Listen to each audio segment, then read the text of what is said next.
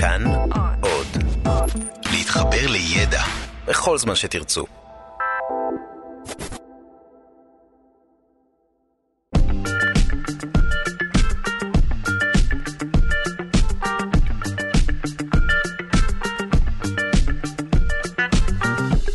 שלושה שיודעים.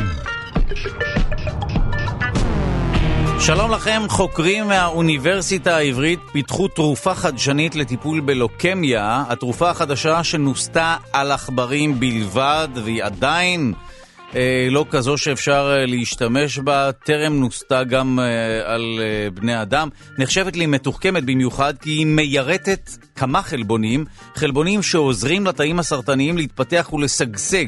זו גישה חדשה אה, שכבר למדנו עליה, יירוט של חלבון, במקרה הזה פשוט מדובר בכמה חלבונים שמאפשרים, אה, סוללים את הדרך לתאים הסרטניים להתפתח, והנה התרופה החדשה הזו מיירטת את אותם חלבונים. המחקר הקשור לתרופה אה, הוא אה, פרי עמלו של פרופסור ינון בן אריה, והמאמר על הניסוי פורסם בכתב האצ"ל, ואנחנו מיד נרחיב בעניין הזה. אה, נותן תקווה, שוב, לא פרקטי עדיין, חשוב אה, לומר את זה, אבל כן נותן תקווה אה, בכל מה שקשור ללוקמיה. שלום לכם, אנחנו שלושה שיודעים בכאן תרבות. אני דודו ארז, ואיתי באולפן, לא רק אה, ריח של, שחבל שהמאזינים והמאזינות לא יכולים להריח, כי שלפת פרופסור נתיב דודאי, ראש היחידה לצמחי תבלין, מרפא ובושם. אה, שלפת אה, שלל אה, צמחים מכאן, שאנחנו מיד נדבר עליהם. אתה מהמרכז, ממרכז המחקר נווה יער במכון וולקני, וזה לקראת מחר. מחר ליל המדענים שייערך בארגון משרד המדע והחלל ובמימון האיחוד האירופי בשלל מוסדות אקדמיים ברחבי הארץ. אתה, פרופסור נתיב דודאי, תציג מחר בקמפוס האוניברסיטה הפתוחה ברעננה תצוגה שלמה של צמחי תבלין ומרפא, ואנחנו נקדיש לנושא הזה את התוכנית היום. אגב, הפעילות היא ללא תשלום, היא פתוחה לציבור הרחב. שוב, נזכיר, מחר, שישה בספטמבר, ליל המדענים, ליל המדענים משעה חמש בערב עד השעות הקטנות של הלילה ברחבי הארץ בשלל אה, אוניברסיטאות, בר אילן, תל אביב, העברית, חיפה. האוניברסיטה הפתוחה ברעננה, מוזיאון המדע מדעטק בחיפה, אקדמיית אל-קסמי, מכללת אורנים, SCE, המכללה האקדמית להנדסה באשדוד ובבאר שבע. גם במוזיאון המדע בירושלים, חגיגה של ממש מחר, יום חמישי, אירועים שפתוחים לציבור הרחב, אירועי מדע והידע חינם גם במכון אה, ויצמן, גם במיגל בקריית שמונה, במרכז הלאומי לחקלאות ימית באילת. שווה לכם uh, לקחת חלק באירועים האלה, אז מיד נרחיב באמת על צמחי uh, תבלין. בושם אה, ונגלה, איך נכון לומר, בזיליקום או בזיל, וגם חוקרים ישראלים פיתחו מערכת שמאפשרת לסלק מתכות כבדות ומזהמים אורגניים מנחלים ומקרקעות מזוהמים, וכל זה בצורה יעילה וזולה יחסית, כך פורסם במעריב. על ידי הכתבת סתיו נמר, מדובר במערכת שתשפר את איכות מי התהום, מי התהום ותאפשר חקלאות בהרבה מקומות בהם היום זה פחות אפשרי. המערכת פותחה על ידי חוקרים מאוניברסיטת תל אביב והאוניברסיטה העברית, ואנחנו מיד אה, נדבר עם אחד החוקרים שאחראי לפיתוח המרתק הזה, וגם בארצות הברית מציינים היום, חמישה בספטמבר, את יום האיחורים הלאומי. יום שבו מדגישים דווקא את הצדדים החיוביים והחנייניים של המאחרים, ואנחנו מיד גם נציין את המועד הזה. העורך שלנו הוא רז חסון, המפיקה היא ליטל אמירן, על הביצוע הטכני די.ג'י אלון מקלר, תודה רבה ליגאל שפירא שמלווה את המשדר הזה. נזכיר לכם שאתם מוזמנים להאזין לשלושה שיודעים בכל זמן ובכל מקום באמצעות היישומון החינמי כאן אודי, כאן עוד. ובאמצעות היישומון הזה תוכלו להאזין לכל התכנים של כאן תרבות בכל זמן ובכל מקום, כל ההסכתים, כל המוסיקה, כל החדשות ועוד. אז שוב נזכיר, מחר, אה, חמישי, שישה בספטמבר, ליל המדענים, מחמש בערב, מחמש בערב ועד השעות הקטנות של הלילה, בשלל מקומות ברחבי הארץ, אירועי מדע וידע בחינם, הדגמות, אה, ניסויים, הרצאות וכולי, ואחת ההרצאות, או אחת ההדגמות למעשה, תהיה של פרופסור נתיב דודאי, דודאי, ראש היחידה לצמחי תבלין מרפא ובושם. שלום לך. שלום, שלום. הקדמה ארוכה, שרדת אותה. הנה, יש לנו את האנדר המוסיקלי המתאים כמובן לצמחי מרפא, תבלין ובושם. כן, הנה די.ג'יי מקלר מעדכן אותנו שאם אנחנו מדברים על בזיליקום או בזיל, האסוציאציה שלו, פיצה. האמת שכן, נכון, יש בזה משהו. אסוציאציה פיצה, כי הבזיל מתקשר עם אה, מטבח איטלקי. לא שמים אותו על פיצה, אבל במטבח האיטלקי מאוד חשוב רוטב הפסטו. והבזיל, הטיפוס שנקרא בזיל ג'נובז, הוא, בזיל ג'נובזה באיטלקית, כן. הוא זה שמשמש לרוטב הפסטו המפורסם. אה, אז רגע, אז מה שאנחנו מכנים בזיליקום זה בזיל? כן, בזיליקום זה בעצם השם הלטיני, אני לא יודע למה משתמשים בארץ במילה בזיליקום, זה כמו שלעגבניה היית קורא לי פרסיקום. ויש אבל... הרבה מאוד מקומות בישראל שאתה בא לרכוש עגבניה, אומרים לך, לא, יש רק ליפרסיקום פה. אז... אדוני, תניח את הליפרסיקום. אז בעצם הייתי, אני חושב שצריך לקרוא לצמח הזה, לתבלין הזה, בזיל, ככה בזיל. קוראים לו באנגלית. אתה יודע, בגרמנית באמת קוראים לו בזיליקום. בהולנדית קוראים לו בזיליקום. אבל באנגלית ואני, וגם בעברית צריך לקרוא לו בזיל. בוא נגלה גם למאזינים ולמאזינות שלנו, שאנחנו uh, מחזיקים בידינו, uh, אנחנו מטילים כאן בתוכנית הזו פצצה, ומספרים לראשונה בעולם, יש לנו כותרת. Uh, חוקרים ממכון וולקני הצליחו לראשונה בעולם לרצף ולהרכיב את הגנום של הבזיל. אמת. לא רק החיטה. יש לך סקופ. אלא, כן, באמצעותך. הצלחתם לרצף את ה-DNA של הבזיל? כן, נעזרנו בחברה שנקראת אנרג'ין, שהם אה, פיתחו תוכנה חדשה שיודעת להרכיב גנום, שעשו לו ריצוף, וקיבלנו אה, תחת הידיים פשוט את כל הגנום פרוס, ואין את זה בעולם, אנחנו הראשונים. ומה כעת ניתן לעשות עם הגנום של הבזיל? האם מעתה אפשר יהיה לסנטז בזיל כך שיהיה אפשר להפוך אותו לצבעוני או למאיר באמצעות uh, גחליליות, ש... עם DNA של גחליליות? הש... או אולי ניקח דינוזאורים ונשאול פנימה, ואז ברוטב הפסטו יהיה לנו גם טירקס והשאר היסטוריה. אה, כן, השמיים, כן. השמיים הם הגבול. כן, נכון. השמיים הם הגבול. אנחנו קודם כל נעשה לו מה שנקרא מיפוי. אנחנו נעבוד על החומר, נפענח אותו. קוראים לזה בשפה מדעית אנוטציה. אנחנו נחפש את כל הגנים ונמצא את התפקיד שלהם, אה, ואנחנו נמצא גנים של כל מיני תכונות, ואז אנחנו יכולים אה, גם לטפח יותר בקלות וגם להבין יותר מה שאנחנו עושים, לעשות את מה שנקרא בשפה שלנו מפה גנטית של הבזיל, ולפתח את הבזיל יותר מהר ויותר טוב. מדובר בצמח שהוא תבלין, נכון? אבל הוא, הוא גם צמח מרפא. הבזיל שאנחנו מדברים עליו, מסו... יש לו סגולות ריפוי? קודם כל, בזיל כן. זה שם כללי להרבה זנים mm.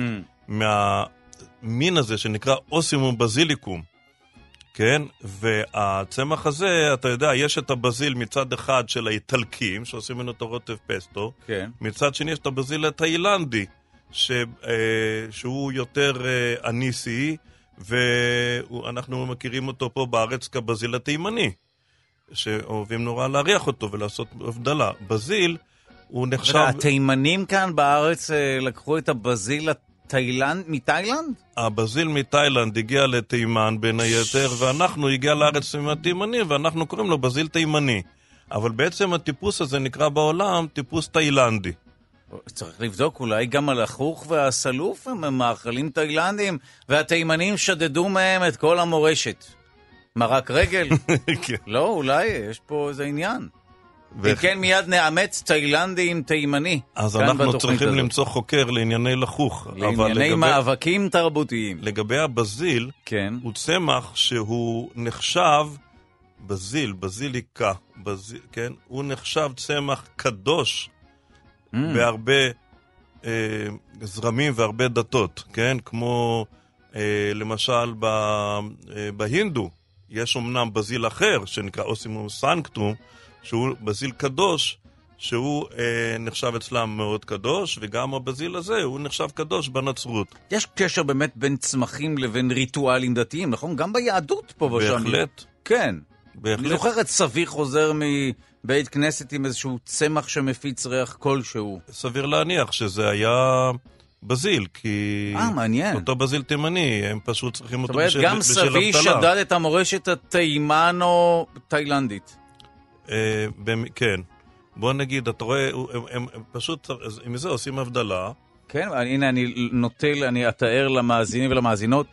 וואו, איזה ריח יש לזה. אה? לדעתי, הריטואלים הדתיים איכשהו השתמשו בצמחים עם ריח אה, משמעותי, נכון? כן, למשל, הצמח הזה. וואו, אתה, כן, מכיר, נכון. אתה מכיר את הצמח הזה? מהו הצמח הזה? בוא נתאר את זה תריח, למאזינים שלנו. תריח. אה, זה צמח שנראה צמח גנרי, אין לי שום תיאור. תשמע, כשבתבלינים מה זה? אתה רק צריך להריח. רגע, זה מרווה, לא? עושים מזה תה. לא, זה אזוב מצוי. אזוב המרווה. אזוב מצוי, חלילה, מרווה זה זה.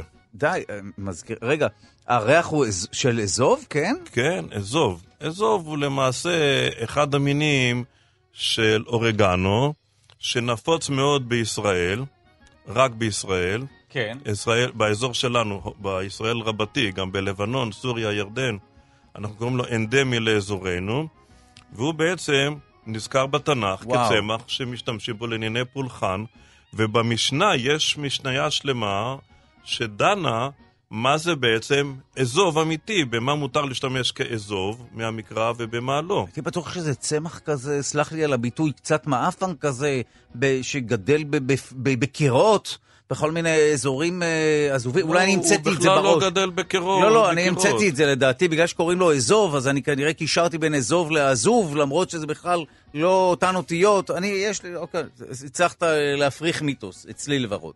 כן, אז הצמח הזה, שהוא משמש לחיטוי... אה, אה, יש לו האדם- סגולות חיטוי? בוודאי, יש לו חומר שנקרא. קרווקרול, שהוא חומר שהוא אנטיביוטי. די! אז אפשר לשתות את זה בצורת תה במקום אנטיביוטיקה? בוודאי, ועוד שאתה, ויש עוד תכונה אחת לחומר הזה, שהוא משמש, וזה אנשים לא יודעים, הוא משמש נגד בחילה.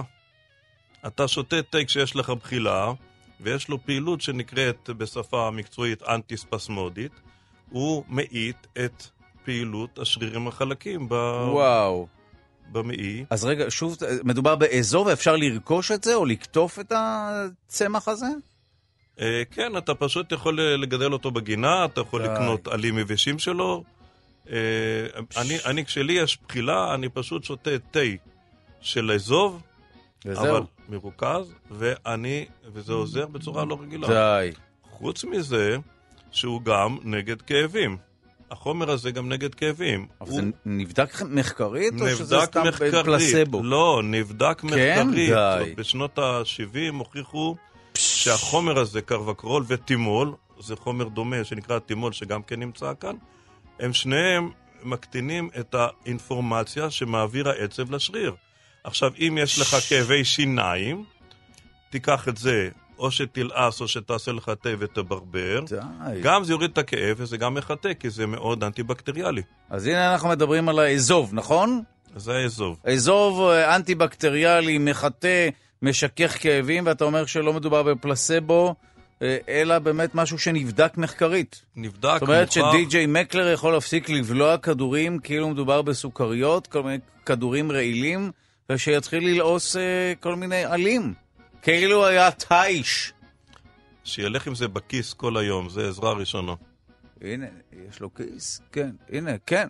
חוקרים מהאוניברסיטה העברית פיתחו תרופה חדשנית לטיפול בלוקמיה. עדיין אי אפשר להשתמש בתרופה הזו כי היא בתהליך של פיתוח בלבד. התרופה נוסתה על עכברים, נחשבת למתוחכמת במיוחד כי היא מיירטת כמה חלבונים, חלבונים שעוזרים לתאים הסרטניים להתפתח ולשגשג. את המחקר הקשור לתרופה הוביל פרופסור ינון בן נריה. המאמר על הניסוי פורסם בכתב העת סל, ואנחנו אה, רוצים לומר שלום לפרופסור שי יזרעאלי, מנהל המחלקה להמטולוגיה ואונקולוגיה של הילד מבית החולים שניידר. שלום לך. שלום, שלום. קודם כל אה, נשמח ללמוד או להבין מהי פריצת הדרך הצפויה. שוב נזכיר, הצפויה אה, בתרופה הזו, נכון. זהו, שוב, אז אה, דבר אחד מאוד מאוד, מאוד חשוב לומר בהתחלה, אתה אמרת את זה, אבל אני רוצה להדגיש את זה שוב. זה בינתיים רק משהו מאוד ניסיוני שקיים בעכברים, במודלים בעכברים. זה עוד רחוק מלהגיע לבני אדם. עכשיו, לאחר שאמרתי את זה, מה שמיוחד במה שפותח במעבדה של פרופסור בן עירייה, זה חומר שאולי יהפוך יום אחד לתרופה, שמטפל בשורש הבעיה ולא רק בבעיה עצמה. אז תראו, סרטן זה אה, כשיש גדילה לא מבוקרת של תאים. אפשר לחשוב נניח על משהו מאוד אה, ברור ונראה, אף למשל, כן? אז כשאף מתפתח, הוא מתפתח מתאים שמתחלקים, והם לאט לאט אה, נעשים לצורה של אף, ובאיזשהו שלב זה מפסיק. אותו הדבר בתאי אדם. נוצרים תאי אדם, אבל בדיוק בכמות והסוג הרצוי. וסרטן קורה כשמאבדים את השליטה.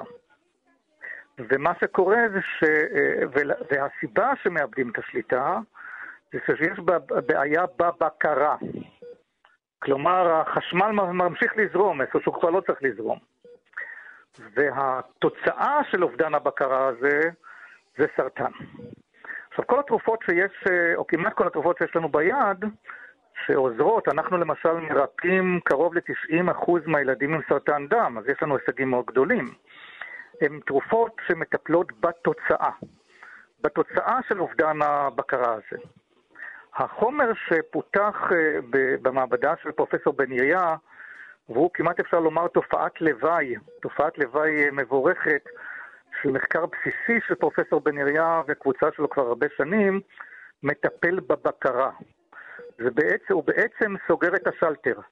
הוא סוגר את השלטר על הבקרה הלא תקינה הזאת. אז זהו, אז איך חלבונים קשורים למנגנונים האלה? אז, אז חלבונים נוצרים מגנים. וגנים, יש לכל אחד בכל תא את אותם גנים, אבל כל תא צריך רק חלק מהגנים בזמנים מסוימים. למשל, באותה דוגמה שנתתי קודם, כשמתפתח האף אתה צריך את התאים שאחראים, את הגנים שאחראים להתפתחות האף. כשהוא כבר שלם, אתה צריך רק את הגנים שאחראים לתפקודו, אותו דבר עם הדם. ו, וזה נשלט דרך בקרה. אז כשיש לכל גן, בצורה מאוד פשוטה, פשטנית קצת, יש שלטר כזה, יש מפסק, on-off, כן או לא. ובעוד שבתאי אה, סרטן, הגנים שמתווכים למשל התרבות בלתי נשלטת של תאים, הם כל הזמן on. הם כל הזמן על on. ואז נוצרים כל הזמן החלבונים שאחראים להתרבות של התאים. מה שהחומר החדש הזה, ש... או קבוצת החומרים החדשה הזאת, אה, אה, מבית המעבדה של פרופסור בן עירייה עושה, זה היא מכבה את השלטר. היא מכבה את השלטר, אותם, אה, אותם שלטרים שמופעלים ביתר בסרטן דם, במקרה הזה, ואגב, הסרטן דם שהם, שרלוונטי אליו, ש, ש, שה, התגלית הזאת רלוונטי אליה זה דווקא סרטן דם שלא מרפאים. סרטן דם עם פרוגנוזה מאוד גרועה שלא מרפאים, אז הגנים האלה נכבים, כשהגנים, והגנים האלה לא מתורגמים לחלבונים, ואז לא נוצרים החלבונים הרעים, וכתוצאה מכך אה, אה, אין אה, שגשוג בלתי נשלט של תאי הדם או תאי הסרטן של הדם. זה, זה נשמע כאילו הסרטן הוא סוג של מזימה שמשתמשת, מזימה שמשתמשת בהרבה מאוד חומרים שעוזרים לתאים הסרטניים לשגשג ולהתפתח. זו מזימה שלא ברור מה המטרה שלה, במרכאות. תראה, אני חייב לומר, אני תמיד אומר את זה, אני אומר את זה גם במחלקה, ואני תמיד אומר שאם אה, אה, מהנדס של, של אה, נאס"א, או נהיה ישראלים, נגיד מהנדס רפאל, או התעשייה האווירית, או אחת מחברות ההייטקים שלנו, היה מתכנן בן אדם, אנחנו כולנו היינו נולדים עם סרטן או עם, או, או עם גידולים אחרים. זה פשוט מופלא, זה ממש מופלא. כל נושא הבקרה של ביטוי גנים, למה אה, גנים מסוימים מתבטאים בזמן מסוים, במקום מסוים, ולא אחר, הוא דבר מופלא שנחקר הרבה מאוד, אבל אתה יודע, במחקר אתה כל הזמן לומד עד כמה אתה לא יודע. אתה כל הזמן מגלה דברים חדשים, והדברים החדשים האלה מעלים שאלות חדשות, ואתה מגלה עד כמה אתה לא יודע. ובסרטן, כתוצאה מטעויות, זה רוב, רוב הסרטן, בעיקר גם סרטן דם, לא נובע מחשיפה סביבתית, או... לא, רוב הסרטן נובע מטעויות. טעויות. טעויות אה, קורות. אמרתי, אם, אם בן אדם היה מתכנן את מערכת הדם, אז אני קשה לי להאמין שהייתה מערכת דם. קורים טעויות בבקרה המאוד עדינה הזאת. והמשימה שלנו, כמו שוטרים וגנבים, זה איך, איך, איך לתקן את הטעויות האלה. אני, גם התרופה של, התרופה הזאת שמדברים עליה עכשיו, גם יום אחד היא תהפוך לתרופה, היא לא תהיה איזה נס, נס רפואי בודד. אין כמעט, קשה לי לחשוב על סרטן שמתרפא על ידי איזה תרופה אחת. כי באמת המערכת מאוד מופרעת שם, ואתה סוגר את הדלת והוא נכנס דרך החלון. ולכן אתה צריך שילוב בין תרופות שונות. התרופות שאנחנו משתמשים בהן היום בעיקר, לא רק, אבל בעיקר, מטפלות בתוצאה של הפרעת הבקרה. אם נצרף להם תרופות מקבוצה חדשה לגמרי, שעובדות במנגנון חדש לגמרי, שהחומר שהתגלה ב... יוצר בעצם, הוא, הוא לא התגלה, הוא יוצר במרדס פרופסונל שייך אליהם תרופות שמעכבות גם את הבקרה, זה שילוב של תרופות שמעכבות את התוצאה. תרופות שסוגרות את, ה, את החלון, יחד עם תרופות שסוגרות את הדלת, יביאו אולי ליותר ריפוי. טוב, אני רוצה להודות לך על השיחה המרתקת הזו, פרופסור שי יזרעאלי, מנהל המחלקה להמטולוגיה ואונקולוגיה של הילד אה, בית החולים שניידר. שוב נדגיש, זו לא תרופה שיהיה ניתן להשתמש בה בקרוב לצערנו, אבל זה משהו שנותן תקווה. שרק נהיה בריאים. תודה לך שוב. תודה. ואנחנו חוזרים לפרופסור נתיב דודאי, ראש היחידה לצמחי תבלין, מרפא ובושם במרכז, במרכז המחקר נווה יער, מכון וולקני, וזה לקראת מחר, מחר בליל המדענים. מחר יום חמישי מחמש בערב אירועים בחינם לציבור ברחבי הארץ, ענייני מדע וידע, הרצאות, הדגמות, ואחת ההדגמות תהיה של פרופסור נתיב דודאי, אה, אנחנו מדברים על צמחי מרפא, תבלין ובושם. שלום לך. שלום, שלום. אתה בהלם כי הבאת לכאן כל כך הרבה צמחים שאתה כבר מארח, התעלפת. כן. רגע, אתה, אה, אה, דיברנו על הבזיל קודם כל.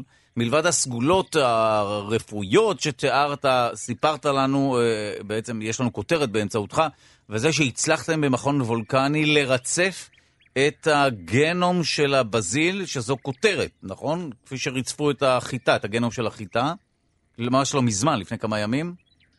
כן. והבזיל אה, מופל לחלוטין. אה, ודיברת מעט על האזוב, שהוא עוד צמח שאנחנו מכירים את אה, ריחו, ומכירים אותו, פשוט צריך להבין למאזינים ולמאזינות, אין דרך מלבד צפייה בסטוריז של לראות מה קורה כאן באולפן. בוא נעבור לעוד צמח. תראה, האזוב למעשה הוא מין של הסוג אורגנו, ואורגנו כולנו מכירים. אה. אותו אורגנו מאירופה. אה, אוקיי. ואורגנו ואזוב, הריח שלהם דומה. פשוט זה אירופי וזה אה, אנדמי לאזורנו. אבל זה אותו צמח, זאת אומרת זה צמח שמה שעבר שינויים? זה מאותו סוג. אה, אותו סוג, אוקיי. אותו סוג, כן. אבל אה, יש בישראל צמח שמאוד לא מוכר, שהוא מדהים, שהוא גם כן מאותו הסוג. כן? אנחנו קוראים לסוג הזה בעברית אזובית. כן. עכשיו, הצמח הזה, אני מחזיק אותו ביד. כן. אה, הוא צמח מדהים שקוראים לו אזובית המדבר. אם אתה תריח אותו, yeah. אתה תראה שבינו ובין ריח של אורגנו או זעתר אין דבר. וואו, אבל עכשיו, יש לו ריח חזק. אבל תשאף, איזה תשאף ריח, אותו, רגע, רגע, זה מזכיר לי משהו. תשאף אותו מהר. זה כמו אקליפטוס כזה, זה, כן, מה תס, זה מרפא? תסניף אותו. זה ריפא אותי ולא הייתי חולה בצורה משמעותית. תקשיב, מה זה הריח הזה? זה פותח לך את הנשימה ממש. ואת הצ'קרות, ונוסף איך קוראים לזה? קוראים לזה אזובית המדבר. אזובית המדבר, אפשר לרכוש את זה? די, זה לשפה, זה, זה לנזלת מדהים. זה, זה צמח שיש אותו רק בישראל. די. ואיפה בישראל? בנגב, מיער, מאזור הר חברון. שמסניפים כשחולים, וואו. כן, מי, אבל זה הרבה יותר, זה לא אקליפטוס, יש לו ריח הרבה יותר טוב.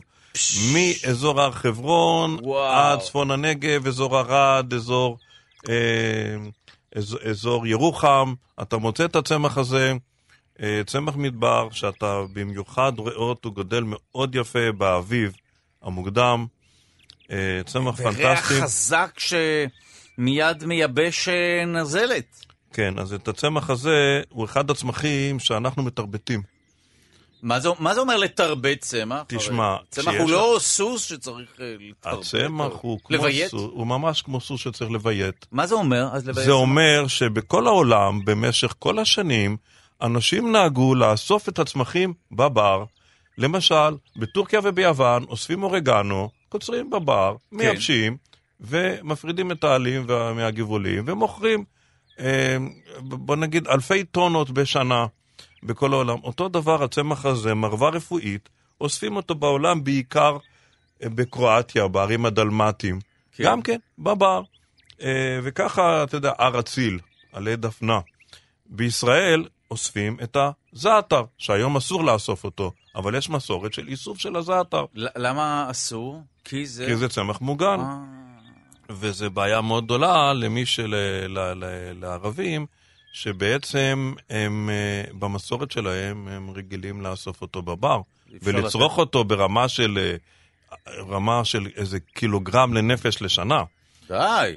אז לכן אי אפשר צ- לתת להם פטור על רקע... אז אנחנו, אני, אני מאוד הייתי רוצה לתת להם פטור, אה, קצת קשה לשכנע את השלטונות, כי הם מפחדים רגע, שהם יכחידו את כש- הזעתר בטבע. אבל כשאני אוכל פיתה אה, אה, עם זעתר, אז זה זעתר שמה? שהוא לא חוק... שהוא פיראטי? שהוא צרוב? תראה, או שהוא פיראטי וצרוב, מה שאתה אומר, זאת אומרת, אה, או שאספו אותו אה, בבר, אני לא אוכל, אבל... או שאספו אותו בבר. די.ג'יי מקלר פה כל בוקר מרביץ פיתות עם זעתר שאתה לא מבין. הוא כן. עובר בדרך באיזה. מקומות. או שאספו אותו בבר.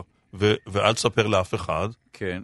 כי לא תפסו, או שמה שעשינו בזעתר, באזוב מצוי, כמו בכל הצמחים האחרים, העולם לא יכול יותר, בתקופה המודרנית, להסתמך על צמחים שאספו אותם בבר.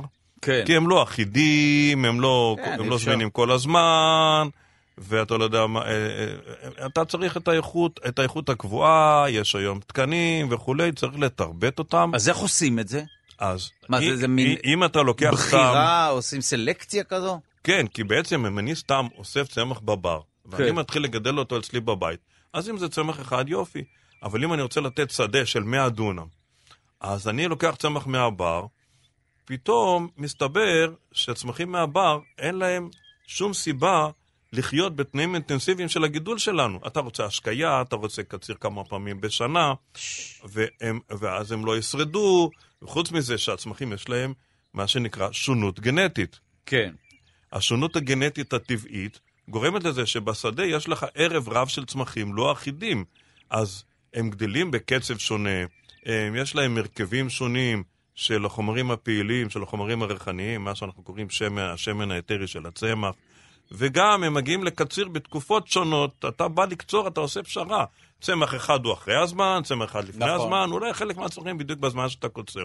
אתה צריך להגיע לגידול כמו עגבניות וכמו מלפפונים, אתה צריך להגיע לגידול שדה, שאתה מקבל שדה אחיד, שכל הצמחים נראים אותו דבר, מגיעים לקציר באותו הזמן ויש להם את האיכות הנדרשת, וכשאני שולח דוגמה לקניין, שאחר כך צריך את הצמחים האלה, כן, אני מסובק, אני מסוג, מסוגל אחר כך לספק לו ממש את אותו, סחור, את הסחורה בו, שדומה ממש לדוגמה ששלחתי. אז האינטרס ברור, או הצורך ברור, אבל איך מייצרים? איך הופכים את הצמחים האלה לאחידים, לכאלה שיש להם תזמון מאוד מדויק בהבשלה וכולי?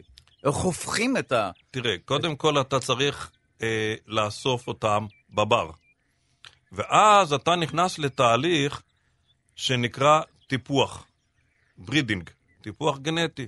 כן. את, כמו שאתה מטפח זנים של עגבניות וכמו של מלפפונים, אתה פה צריך לטפח את הזן שלך, ש, את הזן שגם ידע לחיות ב, בתנאים שאתה רוצה, בשיטת הגידול שלך, וישרוד שמה, וגם יהיה לו את, ה, את האיכויות של הצרכן שהוא רוצה. זאת אומרת, צריך גם איכויות לחקלאי, למשל גם עמידות נגד מחלות, ושייתן הרבה יבול, ושיגדל זקוף שיהיה קל לקצור אותו, וגם את התכונות לצרכן, שיהיה את הטעם הנכון, ואת הצורה הנכונה של העלים, ויהיה לו את החומרים שצריך. כן. לפי, לפי השימוש. אם אתה עכשיו מוצא שימוש חדש לצמח כזה, הופה, אתה צריך עכשיו להתחיל לטפח אותו מההתחלה לשימוש החדש. בארצות הברית מציינים היום, חמישה בספטמבר, את יום האיחורים הלאומי. יום שבו מדגישים דווקא את הצדדים החיוביים והחינניים יותר של המאחרים ושל הדחיינים. את המועד הזה קבע בשנת 1956 יושב ראש מועדון הדחיינים, של אמריקה, כן, כן, יש ארגון כזה, וזו הזדמנות טובה לנסות ולהבין מדוע בני אדם מסוימים נוטים לאחר ולדחות מטלות באופן סדרתי, כמו רז חסון, עורך המשדר. שלום לדוקטור ניר איסר, מומחה לטיפול התנהגותי קוגניטיבי במכון פסגות, שלום לך. שלום רב. זה נשמע כמעט, אה, זו שאלה כל כך טריוויאלית, שהשאלה היא למה לא לדחות ולא לאחר, לא? אז אה, קודם כל, אם אתה לוקח את זה באמת לעומק, כן. אז אה, המון, אה, אנחנו בעצם דוחים את רוב הדבר, את כל רוב המשימות שעולות בראש שלנו. כן? מעניין. ברור, יש לך הרבה משימות שבאות לך בראש שאתה היית רוצה לעשות. אתה עושה איזושהי העדפה, איזשהו תעדוף. מראש, את מה שאתה החלטת לא לעשות, כבר דחית. אז כך שמבחינת הדחיינות, הדבר הזה הוא, הוא, הוא משהו שהוא יומיומי, מובנה בנו, ורק לגבי אותם הדברים שאנחנו חושבים שהם חשובים, או שאנחנו חוששים שאם לא נבצע אותם אנחנו נסבול נורא, או תהיה לנו חרדה, או יהיה לנו משהו מאוד רע, בדרך כלל זה מה שמוביל אותנו. רק שמה בעצם אנחנו נעשה מאמץ גדול כדי להשיג, להגיע בזמן, שהכל יהיה בסדר. זאת אומרת שאם לא, לא היה מקל, בש... לפי שיטת המקל והגזר, אז היינו מאחרים הגזר. כשיטה, כן. שיטת, ה... שיטת הפחד מהגזר. כן. מה... מה... מהמקל, כן. בדיוק. עכשיו, וואו. רוב מה שמניע אותנו, דרך אגב, זה החלק הזה של הפחד מפני הדבר הגרוע. מעט מאוד, למרות שזה בחינוך היום אנחנו מדברים על זה שהמניע אמור להיות דברים חיוביים, בדרך כלל לא זה מה שמניע אותנו. שים לב, דרך אגב, למדיה, לפרסומות, לכל מיני דברים. הם כולם עובדים בעצם או על זה שאני אה, אהיה באיזשהו גן עדן פנטסטי של צעירים, של לא יודע מה, ובצד שני, זה, אני, אהיה, אני אחטוף משהו שממש לא בא לי.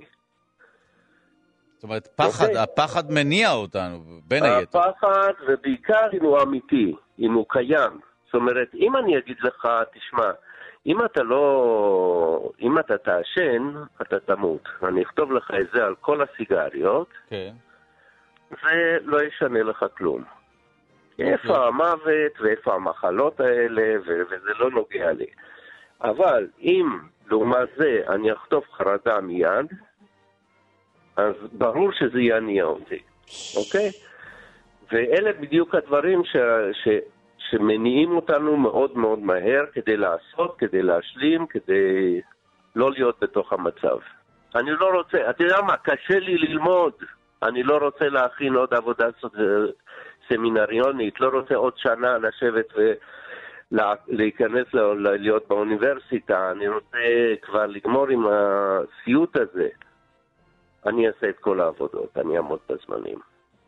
טוב, כנראה שרק ככה אנחנו מסוגלים אה, לבצע את המטלות שלנו בזמן. הפחד הוא כנראה מנוע לא רע בכלל. הפחד הוא מנוע מצוין כן. במקרה הזה. פחד, ו... חרדה, כלכלית, בריאותית, נכון. קיומית, כן? עכשיו, בגדול, אה, סיבה נוספת, עכשיו, אם אנחנו מחפשים סיבות לזה שאנחנו כן דוחים, אה, דיברנו על למה אנחנו לא דוחים, למה אנחנו כן דוחים, למשל, אם אני מצפה מעצמי להיות מושלם, בסדר? כן. ואני יודע שעבודה מושלמת אני לא כל כך אצליח לעשות, אז אם אני אדחה את זה לדקה האחרונה, אני לא אוכל לצפות מעצמי שזה יהיה מושלם, כי הרי אני אעשה מה שניתן. ואז, בתור דוגמה, זה משהו שבהחלט מאפשר לי להעביר את הפחד שלי ממושלמות, כי אני יודע שזה לא יהיה מושלם, ואז אני מוצא את עצמי שאני לא מספיק, כן מספיק, דחיתי לפחות לדקה האחרונה, אוקיי? אה, ויש עוד המון המון סיבות שבגללם אני, כרגע אני רוצה לשחק, אני רוצה לעשות משהו אחר. זה לא מספיק חשוב לי עכשיו, אני, אני אספיק אחר כך. דרך אגב, אנחנו נורא גרועים בחישובים. מה זה אומר? כמה זמן ייקח לנו, כמה זמן ייקח לנו משהו, תכנון, האמת זה ממש נכון. אנחנו, תמיד. יש מחקרים מראים אפילו על עד 40 אחוז הבדל בין מה שאנחנו חושבים שצריך לקחת וואו. משהו, לבין מה שזה באמת לוקח אני, אני במציאות. ממש לאחרונה בתוכנית, אני מאוכזב ממוח האדם. אנחנו משקרים לעצמנו, את עצמנו, אנחנו עובדים על עצמנו, לא מדויקים. דן אריאלי קרא לזה לא רציונלי ולא במקרה. וואו. הרציו לא כל כך עובד, אנחנו וואו. עובדים בצורה אחרת. עכשיו, אבל כן אני יכול להשתמש ברציו כדי לטפל בעצמי. זאת אומרת, שמה בעצם החלק שכן אני יכול לעבוד. ודווקא הטיפול הוא מאוד מאוד פשוט, לא צריך אפילו מטפל בשביל זה. זאת אומרת, כל הרעיון זה לקחת ולהחליט, וכאן אחת מהבעיות הגדולות בכלל בפסיכותרפיה, שאנחנו טוענים שבעצם אדם שמחליט, ומחליט שהוא רוצה משהו, יש לו מטרה, מחליט להשיג אותה, זה כבר שלושת רבעי מהעבודה שאתה צריך. זה מוריד חרדות, זה מוריד דיכאונות, זה מוריד אה, המון וואו. דברים. אז הנה אוקיי? למדנו... כי, ד- כי כן. עצם זה שהחלטתי שזה מה שאני עושה, אתה יודע מה, מעניין. תחשוב שנייה, אז כן יש משמעות לכל אה, האנשים שאומרים לך לייצר לעצמך מטרות, או רשימת מטרות וכולי.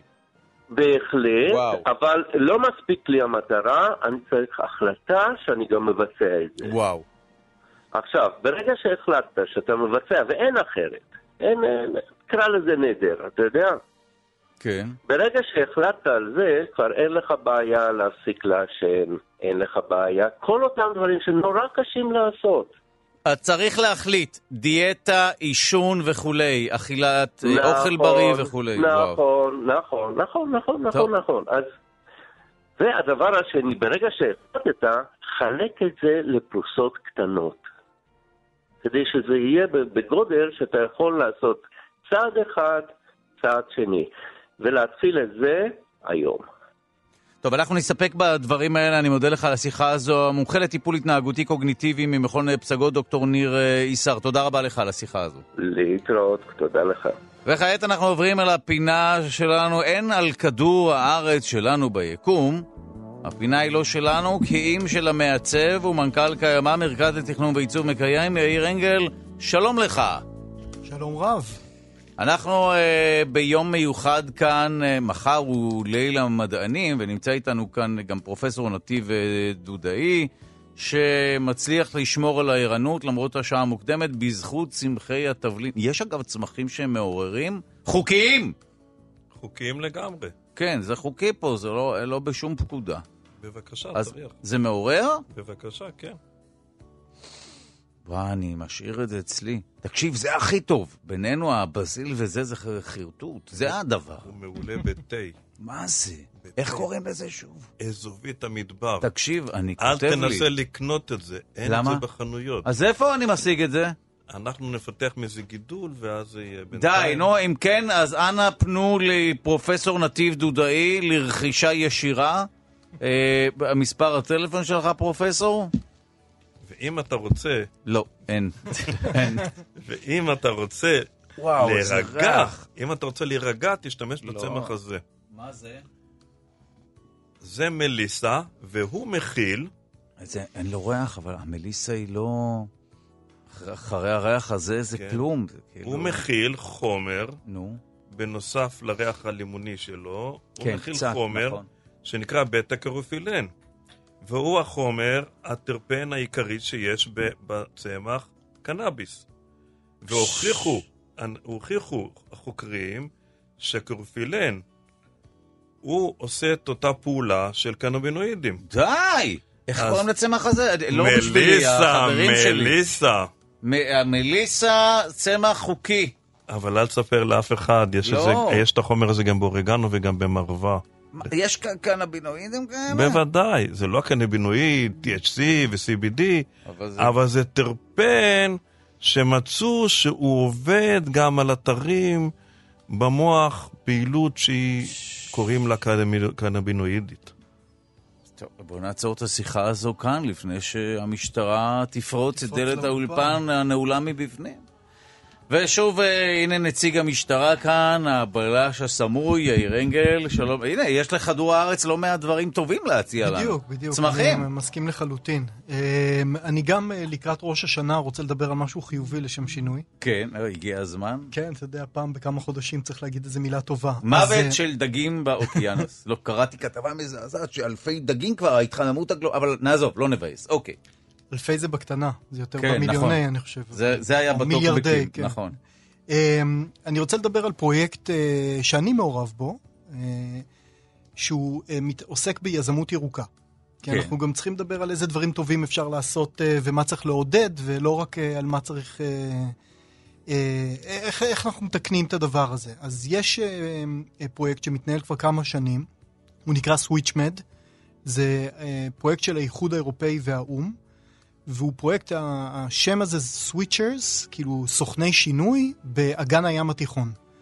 וזה פרויקט מאוד אופטימי במהות שלו, כי משתתפים בו אנשים מכל מדינות הים התיכון, חלקם שכנינו, מלבנון, ירדן, טוניס, אלג'יריה אה, וכולי. הפרויקט כן. מרוכז בברצלונה, הוא כבר מתנהל כמה שנים, והוא מעודד אה, יזמים ירוקים.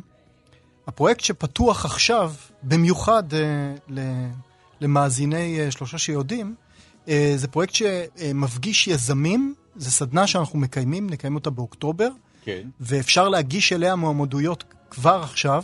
צריך להגיד, הגעתי דרך דודו ארז, ואז... נראה לי שעדיף לנופף בשם שלך, לא?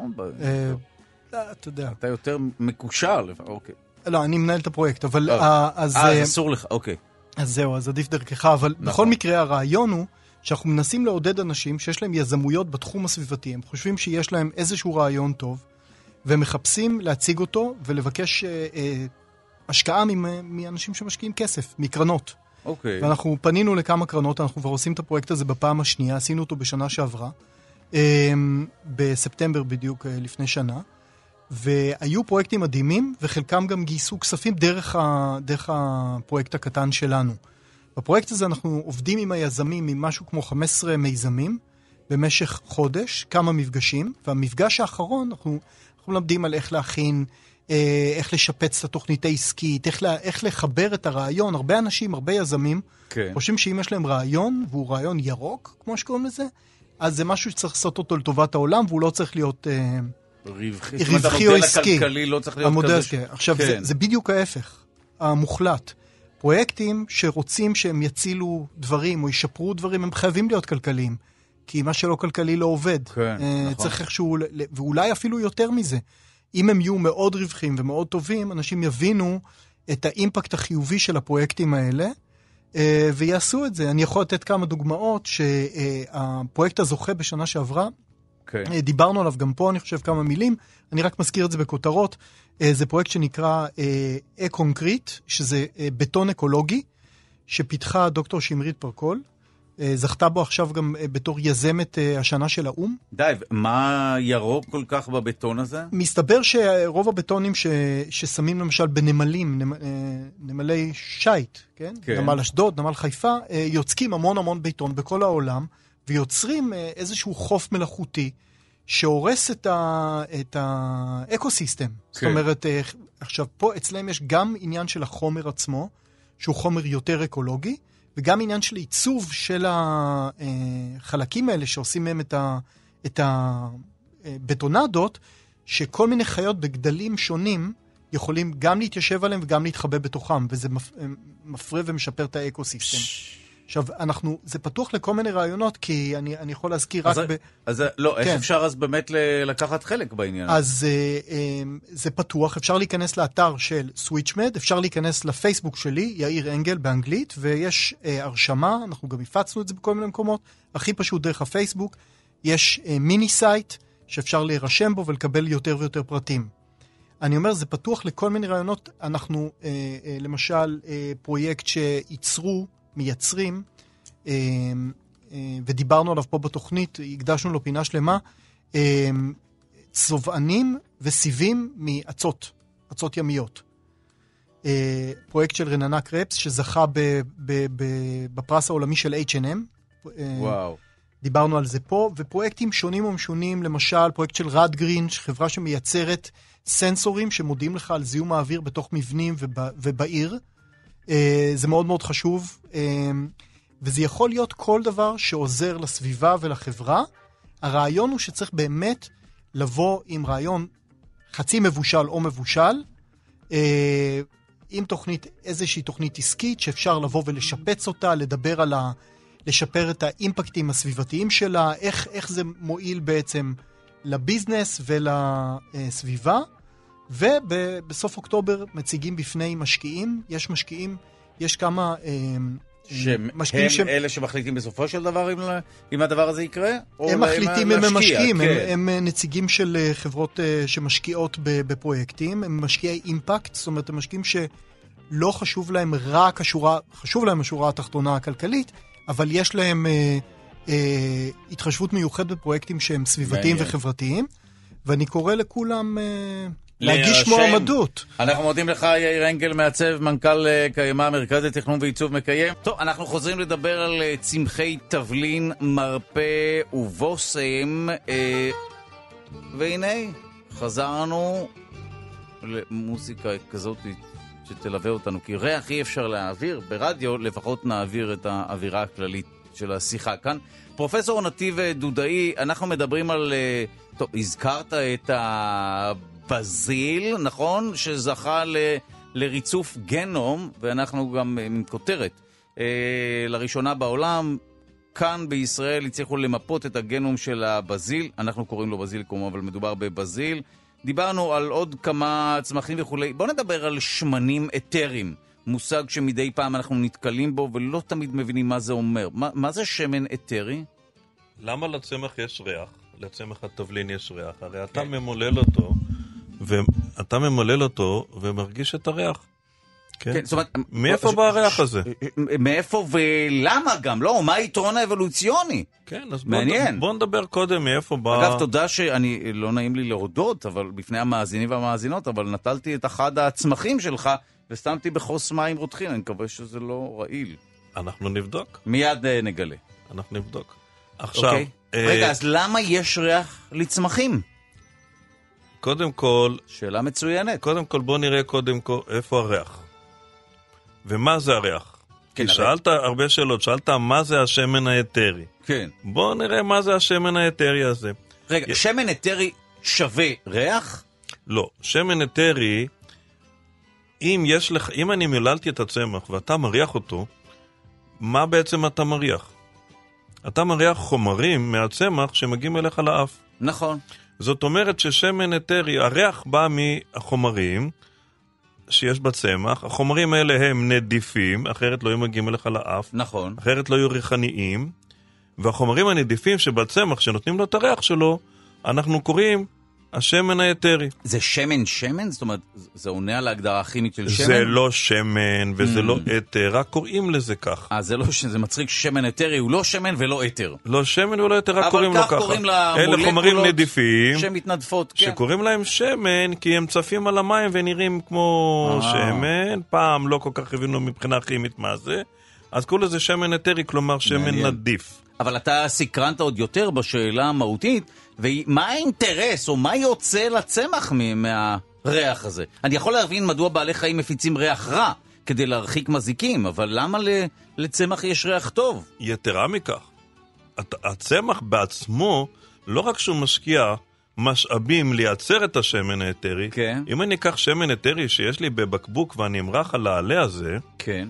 אתה תראה שהוא רעיל לעלה. העלה... הריח של הצמח רעיל לאותו צמח? בוודאי, וגם לצמחים אחרים. מה?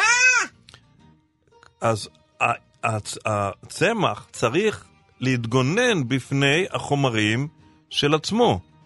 זה נקרא, מה שנקרא, רעילות עצמית. רגע, רגע, אז למה, אגב, לנו בגוף יש אה, חומרים שהם עם רעילות עצמית? זאת אומרת, יש חומרים שמיוצרים בגוף שלנו ואנחנו, הם רעילים מבחינתנו? סתם, ש...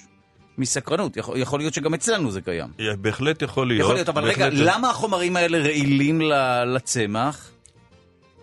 למה הם רעילים לצמח? כן. תראה, בפועל, אה, אה, עובדה הם רעילים. מה הם עושים בתוך הצמח?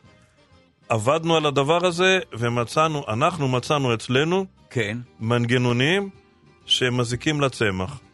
הוא, זה לא, הוא לא רק מזיק לצמח, הוא גם מזיק לצמחים מסביבו.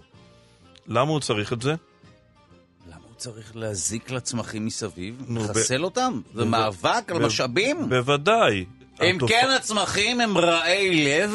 לא, הם פשוט נלחמים אחד בשני באמצעים כימיים. ל- למושג הזה קוראים כבר אה, הם הרבה מנסים שנים. לפגוע אחד בשני? צמח מנסה לפגוע בצמח אחר באמצעות הריח שלו? הוא לא רק מנסה, הוא גם מצליח. די, אז איך זה שאנחנו מפרשים את זה כמשהו חיובי, את הריח הזה? לצמח זה חיובי מאוד. אה, מעניין, וואו. הצמח הזה מוציא את הריח שלו, שהוא השמן האתרי, והוא מעכב צמחים מסביב. למושג הזה קוראים אללופתיה. וואו. אללופתיה זה כאשר אורגניזם מפריש חומרים שמשפיעים על ההתפתחות של אורגניזמים אחרים, והוא מרוויח מהדבר הזה. בסדר? אז אנחנו... זאת אומרת, בטבע המלחמה כימית היא דבר שבשגרה, בוודאי. וצמחים פוגעים בצמחים אחרים באמצעות ריח טוב. או ריח, תשמע, אם הריח טוב או רע זה זה לא מעניין את הצמח, כן. אובייקטיבי. ודאי. אתה נהנה מאוד מהריח הזה. זה סובייקטיבי, הזרע כן. שמנסה לנבוט, אני לא נכון. בטוח שהוא כל כך אוהב את הריח הזה. כן? אז אה, אתה, גלשנו לכאן, אבל איך הצמח מתגונן מהרעילות לעצמו? נכון, כי הוא מייצר אה, בעצמו את, ה, אז את, ה, את החומר בוא שמזיק לו. נדבר על זה. כן. איפה השמן האתרי נמצא בצמח? איפה? אני מקווה שאתה חמוש בתשובות ולא רק בשאלות, כי אחרת התוכנית הזאת תהיה דלה מאוד. יפה, אבל אז הצמח הזה, האם הוא בתוך התאים? לא. הצמח הזה, החומר הזה לא בתוך התאים. החומר הזה נמצא על הצמח, בתוך הצמח, הוא נמצא בצמח, כן. לא בתוך הצמח. אלא? הצמח מייצר בלוטות מיוחדות, שמחזיקים אותם תאים, מחזיקים מין מיכלים קטנים כאלה, מבודדים ממש? כן, מה וואו. שנקרא טריכומות או בלוטות, או שערות בלוטיות כן. וכולי, ששם הוא מרכז את החומרים, והחומרים האלה בכלל מחוץ לצמח. או שיש צמחים שיש להם פתרון אחר. הם מחזיקים אותם בין התאים שלהם בחללים בתוך העלה, או בביבים כאלה, כמו באורנים למשל, או, ביבי, או, או, או מין מחילות כמו בעלה של אקליפטוס, שהשמן כן. האתרי הוא בכלל מחוץ לתאים של הצמח. השמן האתרי יושב בצמח הארומטי, בצמחי התבלין, מחוץ לתאים של הצמח. חוקרים ישראלים פיתחו מערכת שמאפשרת לסלק מתכות כבדות ומזהמים אורגניים מנחלים ומקרקעות מזוהמים, וכל זה בצורה יעילה וזולה יחסית. כך פורסם במעריב על ידי הכתבת סתיו נמר. מדובר במערכת שתשפר את איכות מי, ה- מי התהום, בין היתר, ותאפשר חקלאות במקומות שבהם זה פחות אפשרי. המערכת פותחה על ידי חוקרים מאוניברסיטת תל אביב ומהאוניברסיטה העברית. ואנחנו שמחים לומר שלום לאחד החוקרים שאחראי לפיתוח הזה, פרופסור עמוס אולמן, מייסד התוכנית להנדסת סביבה בפקולטה להנדסה באוניברסיטת תל אביב. שלום לך. שלום לך ובוקר טוב. טוב, אנחנו כמובן אה, מסוקרנים ורוצים לשמוע על הפיתוח החדשני והנייד הזה, נכון? מדובר במערכת ניידת. אני, נכון, מדובר במערכת שאפשר לנייד אותה ממקום למקום, ואני אספר קצת על הפיתוח, ולפני זה אני אה, אגדיר שוב את הבעיה. כן, בבקשה. שנוכל, אוקיי, אז אה, באמת, מה הבעיה שהמנגנון הזה פותר? הבעיה היא לטפל באמת באותן קרקעות, אבל לא רק קרקעות, אלא גם אה, תחתיות או בוצות של נחלים, הקרקעיות של נחלים ונהרות, או מתקני טיפול שפכים תעשייתיים, שבכולם יכול, יכולים להצטבר סוגים שונים של מזהמים. גם אה, מזהמים אורגניים, בעיקר לא נדיפים, כלומר, כל מיני תרכובות שמכילות פחמן, מימן וכן הלאה, שהן יכולות להיות בחלקן רעילות. כן. וגם אנורגניים, שזה כולל מתכות כבדות, קדמיום, ניקל, עופרת, כרום וכן הלאה. שמאיפה מגיעות מתכות כאלה?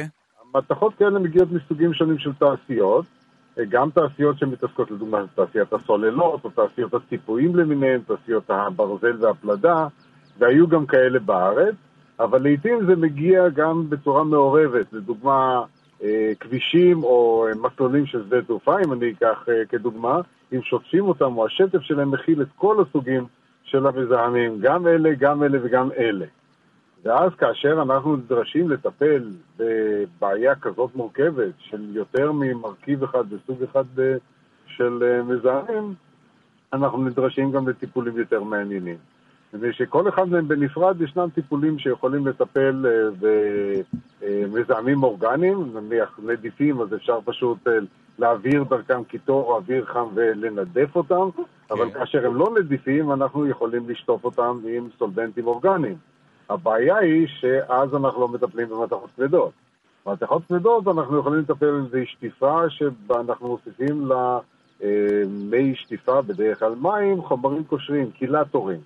קילטורים מהמילה היוונית שלט, צבת, שתופסת את המתכות הכבדות וממיסה אותן בתוך המים. אוקיי. ואז אנחנו מרחיקים, ואז אנחנו צריכים כמובן גם לשקע את המתכות הכבדות. הבעיה עוד יותר מורכבת שיש לנו גם וגם, ובמיוחד באדמות רטובות. אז יש לנו בעיה של לטפל בכל המגוון, וגם לאפשר חדירות טובה של השטיפה שלנו לתוך החרירים הקטנים שיש בין גרגירי הקרקע. במיוחד כאשר הקרקע מורכבת מגרגירים קרקע או בוצע, מורכבים מחלקיקים עדינים עם שטח פנים גדול שאליהם נספחים המזהמים השונים. עכשיו אני מגיע למערכת שלנו. המערכת שלנו, עוד פעם, נועדה לטפל באותם מקרים מסובכים יותר. כלומר, מקרים פשוטים, אפשר לטפל כאמור במקר... בצורות אחרות, אבל מקרים פשוטים, אנחנו למעשה לוקחים את המערכת שלנו, שמכילה גם ממיסים שהם ידידותיים לסביבה, שנמסים בתוך מים, אבל מה שמעניין במערכת הזאת שעל ידי שינוי טמפרטורה אנחנו יכולים לעבור ממצב של מסיסות מלאה, כלומר הממסים שלנו נמסים בתוך המים, כמו נניח, כדוגמה, אלכוהול ומים, שאתה רואה פאזה אחת, אתה רואה מומס לחלוטין, כן. או על ידי קירור הם יכולים להיפרד לשתי פאזות, כמו שמן ומים, כאשר אתה רואה שתי פאזות נפרדות. על ידי המניפולציה הזאת אנחנו יכולים להמיס בקלות את הסולבנטים שלנו לתוך קרקע רטובה, או בכלל לקרקע לחה, ועל ידי כך להביא גם את, הסולבנטים הממצים וגם את החומרים הקושרים שציינתי קודם אל אותם אה, מזהמים שקשורים לפני השטח של הקרקע. ו... על ידי כן. קירור קל אנחנו מפרידים את הפאזות ואז אנחנו מקבלים את המזהמים האורגניים בפאזה האורגנית, את המזהמים המתכתיים בפאזה המימית ועכשיו אנחנו מפרידים את זה מהקרקע והחלק השני אנחנו יכולים פשוט להשיב אותם. אומרת, המתקן שלנו כולל השבה של הסולבנטים והשבה של החומרים הקושרים לשימוש נוסף. עכשיו, זה הרעיון.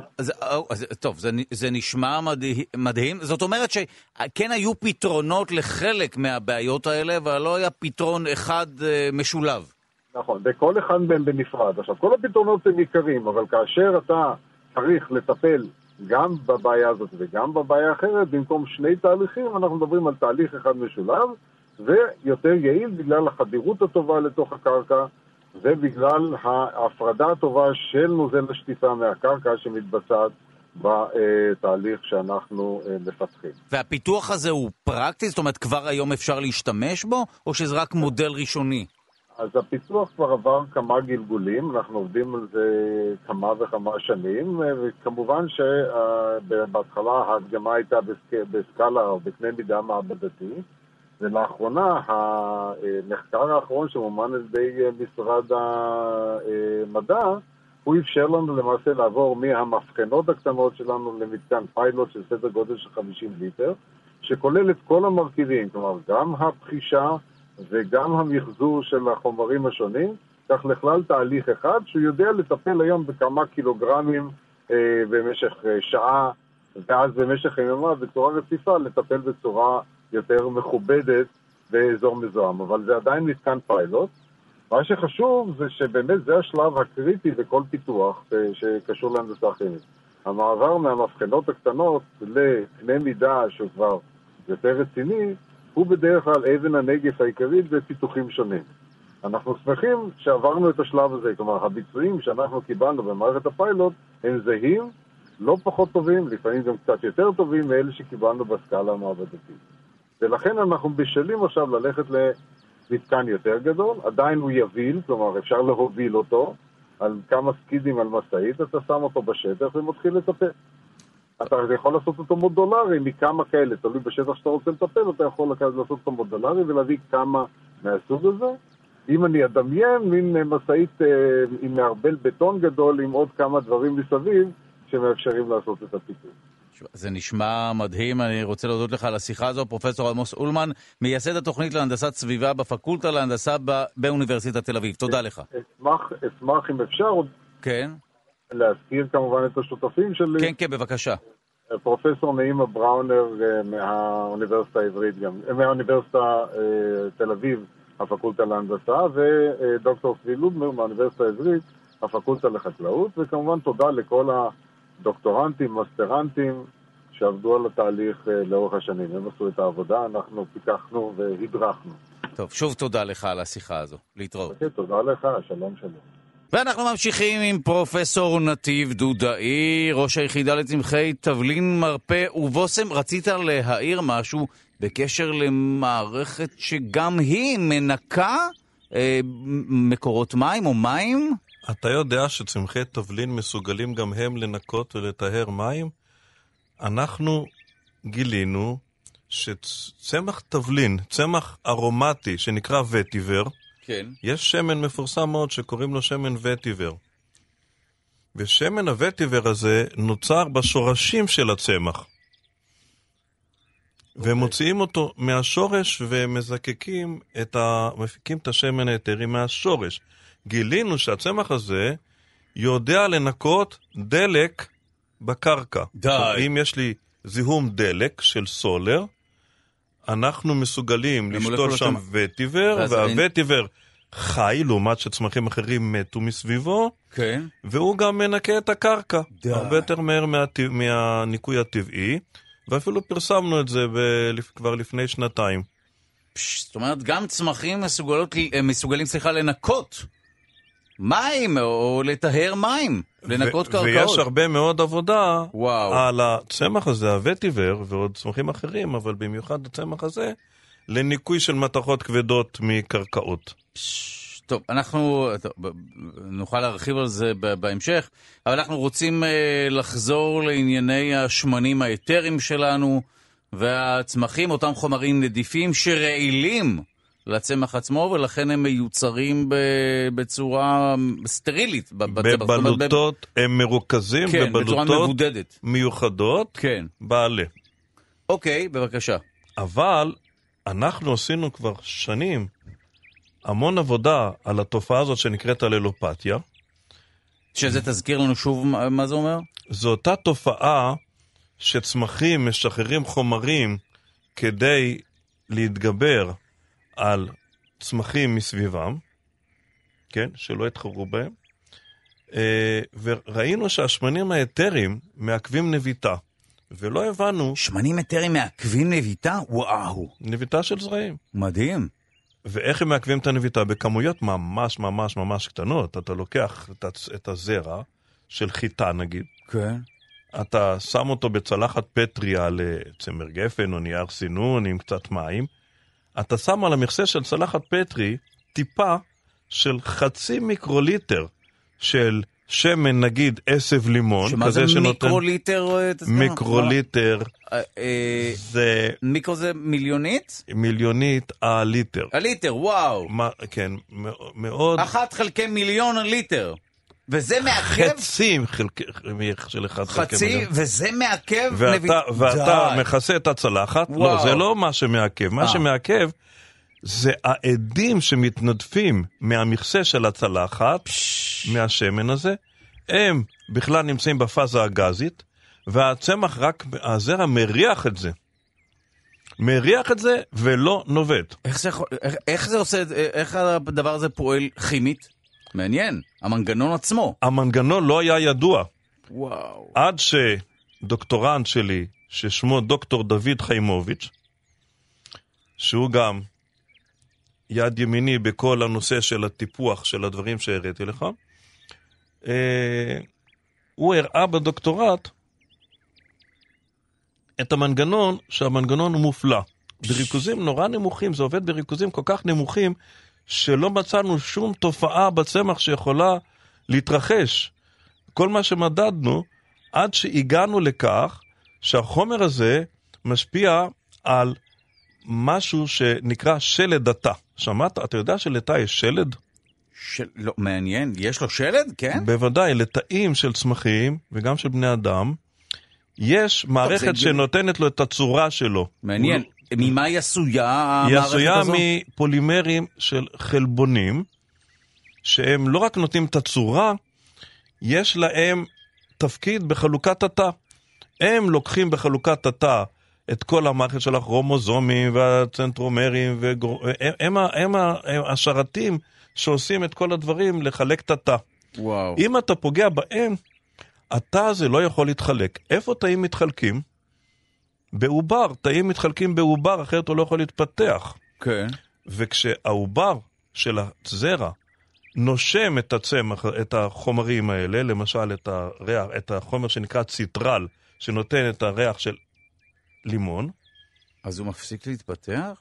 אז הוא, התאים שלו נתקעים תוך כדי החלוקה. רגע, רגע, זה, זה אה, גורם לי לחשוב שאולי אפשר למנוע חלוקה של תאים אנושיים שאנחנו רוצים למנוע, כמו למשל במחלות. נכון, ואז הלכנו מתפת- עם זה הלאה, כמו שאתה אומר. די. גם אנחנו חשבנו ככה, ועשינו עבודה. ריח יכול אה, למנוע חלוקה של, או השתכפלות של תאים סרטניים? זאת אומרת, יש לזה... בהחלט, החומר די. הזה ציטרל, שכמוהו כמו עוד כל מיני חומרים שמרכיבים את השמנים האתריים, כמו למשל גם אה, בטא קרופילן, שיש אותו גם בקנאביס, ויש אה, עוד, עוד חומרים שונים שמונעים את הפעילות של ה... מונעים את הפעילות של המיקרוטובוליס, כי הם מפרקים אותם. הם עובדים גם על תאים סרטניים ומונעים התפתחות של גידולים סרטניים. די. אז מה, מה זה אומר שנכון לנו לאכול uh, את החומרים האלה? פירות תראה, הדר, כשאנחנו- לימון? לא, אה, זה, החומרים האלה זה לא פירות הדר לימון. בפירות הדר לימון כן. יש כמות מאוד קטנה מהחומר שדיברתי. הכמות הגדולה של החומר שדיברתי נמצאת בעשב לימון, במליסה, בלואיזה שעכשיו שתית. אבל כשאתה. שותה לא, אותם, אם זה מונע הכל, אני... רגע, כשאתה שותה אותו, וואי, הוא עובר דרך מערכת העיכול שלך. וזה לא טוב? זה מתפרק. אה, לכן יש לנו בעיה להביא אותו לתאים, לגידולים הסרטניים. אז איך אפשר לעקוף את מערכת העיכול? על אז זה- ישירה! על זה צריך לעבוד. וואו, שמע, זה נשמע too good to be true. אבל זה עדיין לא, אי אפשר ליישם את זה, כי אין לנו בינתיים איך להביא אותם בצורה מסודרת לתאים הסרטניים. אבל אתה אומר שעצם העובדה שיש ריח מסוים שגורם לזרעים להפס... לא לנבוט או לצמוח, זה משהו שעשוי להוביל, אה, אנחנו מקווים כמובן, ל- למניעת השתכפלות של תאים סרטניים בסופו של דבר. כן, וגם צריך להיזהר, כשאתה לוקח את החומרים האלה בצורה לא מבוקרת, אל תשכח שגם לבני השתכפלות. אדם יש עוברים. לכן נשים בהיריון צריכות לא קצת להיזהר עם העניין הזה. רגע, רגע, לא, לא היה לי נעים לשאול, אבל עכשיו כשאתה מזכיר את זה, מה זה אומר?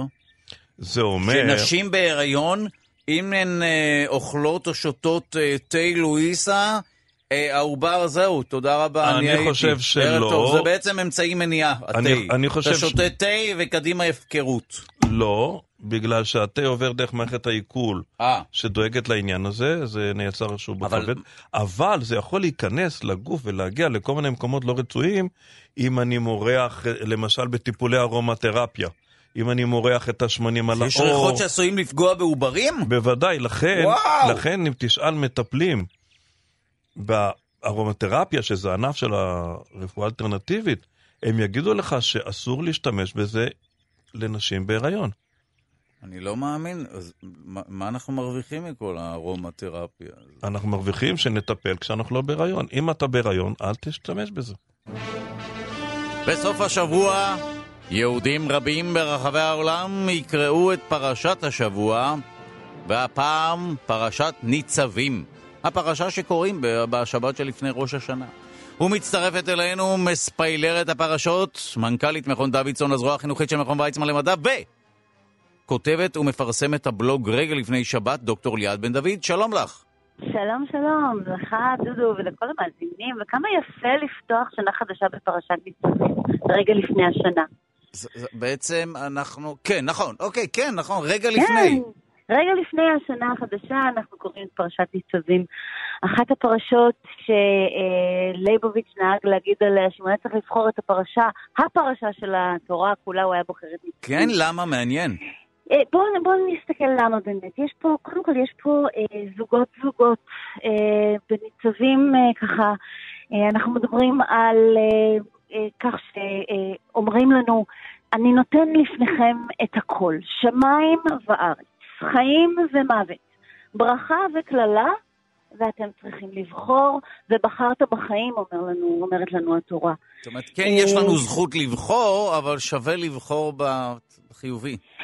אה, אה, כן, שווה לבחור בחיובי, לא, לא סתם, הבחירה הזאת בחיים אה, הפכה להיות בעצם, ה, ה, אולי אם תרצה, הדבר החשוב ביותר, הרי ה, ה, אנחנו אומרים שלבחור בחיים או פיקוח נפש דוחה הכל, וכל המציל נפש אחת בעצם הציל עולם ומלואו. הבחירה בחיים היא המצווה. אבל שים לב, הפרשה שמה לנו זוגות זוגות אחד מול השני, כדי שתמיד נזכור שיש אה, צדדים שונים לכל דבר, לפחות שניים. בשבוע שעבר דיברנו, אה, בפרשה הקודמת דיברנו על זה שעומדים גם בהר עיבל וגם בהר גריזים, גם בברכה וגם בקללה, והם עומדים אחד מול השני. כלומר, אחד תמיד רואה גם את הצד השני. אז גם פה יש לנו גם את השמיים וגם הארץ, גם את החיים וגם את המוות. ואנחנו אה, מצווים לבחור את הטוב, לבחור את החיים, לבחור את ההתקדמות, וזה מתחבר מאוד מאוד יפה לשנה חדשה, כי מה יש לנו לעשות בשנה חדשה? קצת סיכום, איפה היינו, מה עשינו, להסתכל קצת אחורה, כדי שתמיד נוכל להסתכל קדימה בתקווה, כמו שאמר לנו אה, יגאל אלון, עם שלא זוכר את עברו, אז יש לו בעיה גם עם העתיד שלו. אה, אבל פרשת ניצבים אומרת לנו עוד משהו. היא אומרת לנו שהמצווה הזאת של לבחור בחיים, היא לא נפלאה מאיתנו, והיא לא רחוקה, והיא לא בשמיים. הפרשה ממש מפרטת. זה, זה לא נפלט ממך ולא רחוקה היא ולא בשמיים, ומי, זה, אל תגידו מי יעלה לנו השמיים ויביא לנו את זה ממקום רחוק. זה, זה ש... לא רחוק. נשים גם, באמת אה, נדגיש את הביטוי לא בשמיים, שהוא בכלל בדיוק, ביטוי מעניין. בדיוק, ממש לא בשמיים, להפך. קרוב אליך הדבר, אומרת לנו הפרשה, וגם פה היא מכניסה לנו זוג, והיא אומרת לנו, בפיך ובלבבך לעשותו. לא, אה, לא באחד, אלא בשניהם. לא מספיק לחשוב בלב שאני רוצה לעשות משהו, אני גם צריך לבטא אותו. הפה נותן לנו את, ה, את המטאפורה של הביטוי, אבל גם לא מספיק לבטא משהו, צריך גם להתכוון אליו בלב. הזוגיות היפה המחוברת הזאת שאין אין לפרק אותה. ואם ככה אנחנו לקראת אה, שנה חדשה וחושבים לעשות, לתת איזושהי ברכה גם לעצמנו וגם לאחרים, אז אני רוצה להביא ככה לסיום איזשהו ציטוט מספר יפהפה, כן. שנקרא אלכימאי, בטח קראת אותו, של פאולו קואלו, ושם הרועה של העיזים אה, ככה פוגש זקן, והזקן שואל אותו, כמה כבשים יש לך בעדר? והנער עונה לו, הרועה, יש לי מספיק כבשים. ואתה יודע מה עונה לו הזקן? הוא אומר לו, אם, יש, אם, אם אתה חושב שיש לך מספיק כבשים, יש לנו בעיה. אני לא יכול לעזור לך אם אתה חושב שיש לך מספיק כבשים. שזאת אמירה נהדרת. היא תמיד אומרת לנו, היא אומרת לנו בעצם, תסתכלו על כל מה שיש לכם, זה נפלא מה שיש לנו, אבל תמיד לשאוף לצעד הבא. תמיד לרצות ו... עוד ועוד אה, ולהיות מתוסכל מזה שאין לך לא, מספיק. לא, לא, לא, אני סתם צוחק. אפשר לקחת את זה לכיוון הזה, אבל לא, אני ממש... הרי זו, זו המחלה של האדם המודרני, הקנאה החומרית וכולי. אבל למה לא ניקח את זה למקום היפה של הלבחור בחיים? כי מה זה החיים? זה כל הזמן לצמוח נכון, זה שינוי והתפתחות, את צודקת לגמרי, לגמרי. בדיוק, אז כן. גם מה שיש לנו... זה לא אומר לנו לא להסתפק במה שיש. לא, לא, ודאי. אגב, אנחנו בתוכניות מדע כאן אה, רואים, אה, נהנים לראות איך מדי שבוע חוקרים וחוקרות ישראלים כאן אה, שואפים לדעת עוד ועוד ולנתח עוד. ולמצוא עוד תרופות, ודאי. ולעשות את החיים שלנו טובים יותר וחכמים יותר ונעימים יותר, ודווקא מהמקום המאוד חיובי הזה של צמיחה ושינוי, כי הרי, אתה צודק, אפשר לקחת את זה לכל מיני מקומות. נכון. בערב ראש השנה ראוי שניקח את זה למקום האופטימי, של בואו נסתכל על מה שיש לנו, נברך קודם כל על מה שיש לנו, ונחשוב לאן עוד אנחנו יכולים לצמוח ולהתפתח. טוב, אנחנו מודים לך מעומק הלב על הדברים האלה, דוקטור ליאת בן דוד, מנכ"לית מכון דוידסון. שנה ו... טובה לכולם. ומפרסם את הבלוג רגע לפני שבת, שנה טובה ותודה רבה. ואנחנו חוזרים אה, לצמחי מרפא, תבלין ובושם, תבלינים טריים בישראל, אה, פרופסור נתיב דודאי. יש לנו תבלינים בישראל או שהכל מיובא מטורקיה? כמקובל בחנויות הממכר. תשמע, בשנות ה-70 כן. הקים פרופסור אלי פוטייבסקי את היחידה לצמחי תבלין ובושם. ובעצם המטרה של היחידה הזאת היה להנחיל בישראל את הייצור וגידול של הצמחים האלה. וזה מה שעשינו. עכשיו, אה, בעצם אה, בשמנים אתריים, אה, היה פה ענף של שמנים אתריים שלא כל כך החזיק בגלל שהוא היה לנו קשה קצת להתחרות בייצור של שמנים אתריים בעולם השלישי. אני חושב שאפשר לייצר שמנים אתריים, הנה עכשיו אנחנו, אנחנו פשוט צריכים למצוא נישות, ועכשיו יש לנו כבר התחלות. החלום שלי שהגולן, אנחנו נהפוך אותו לפרובנס של ישראל, אתה תיסע לגולן, אתה תראה אותו מרופד בלבנדר פורח וכל המדינה תלך לראות את פריחת הלבנדר, יעשו שם שמן לבנדר ושמנים אחרים וימכרו, זה כרגע נמצא בתהליך. כבר יש משק אחד של החקלאי דן אסרף במושב כנף שמגדל לבנדר כן. ומייצר שמן. ו... למה דווקא בגולן? כי לבנדר צריך את הגובה. Mm. ולכן נראה לי גם הנוף והאדמה נראה מאוד מתאים יש שם לגידול אווירה הלבנדר. כללית של טבע. וגם אווירה כללית, וצריך קצת לעזור לחקלאים בגולן, כן.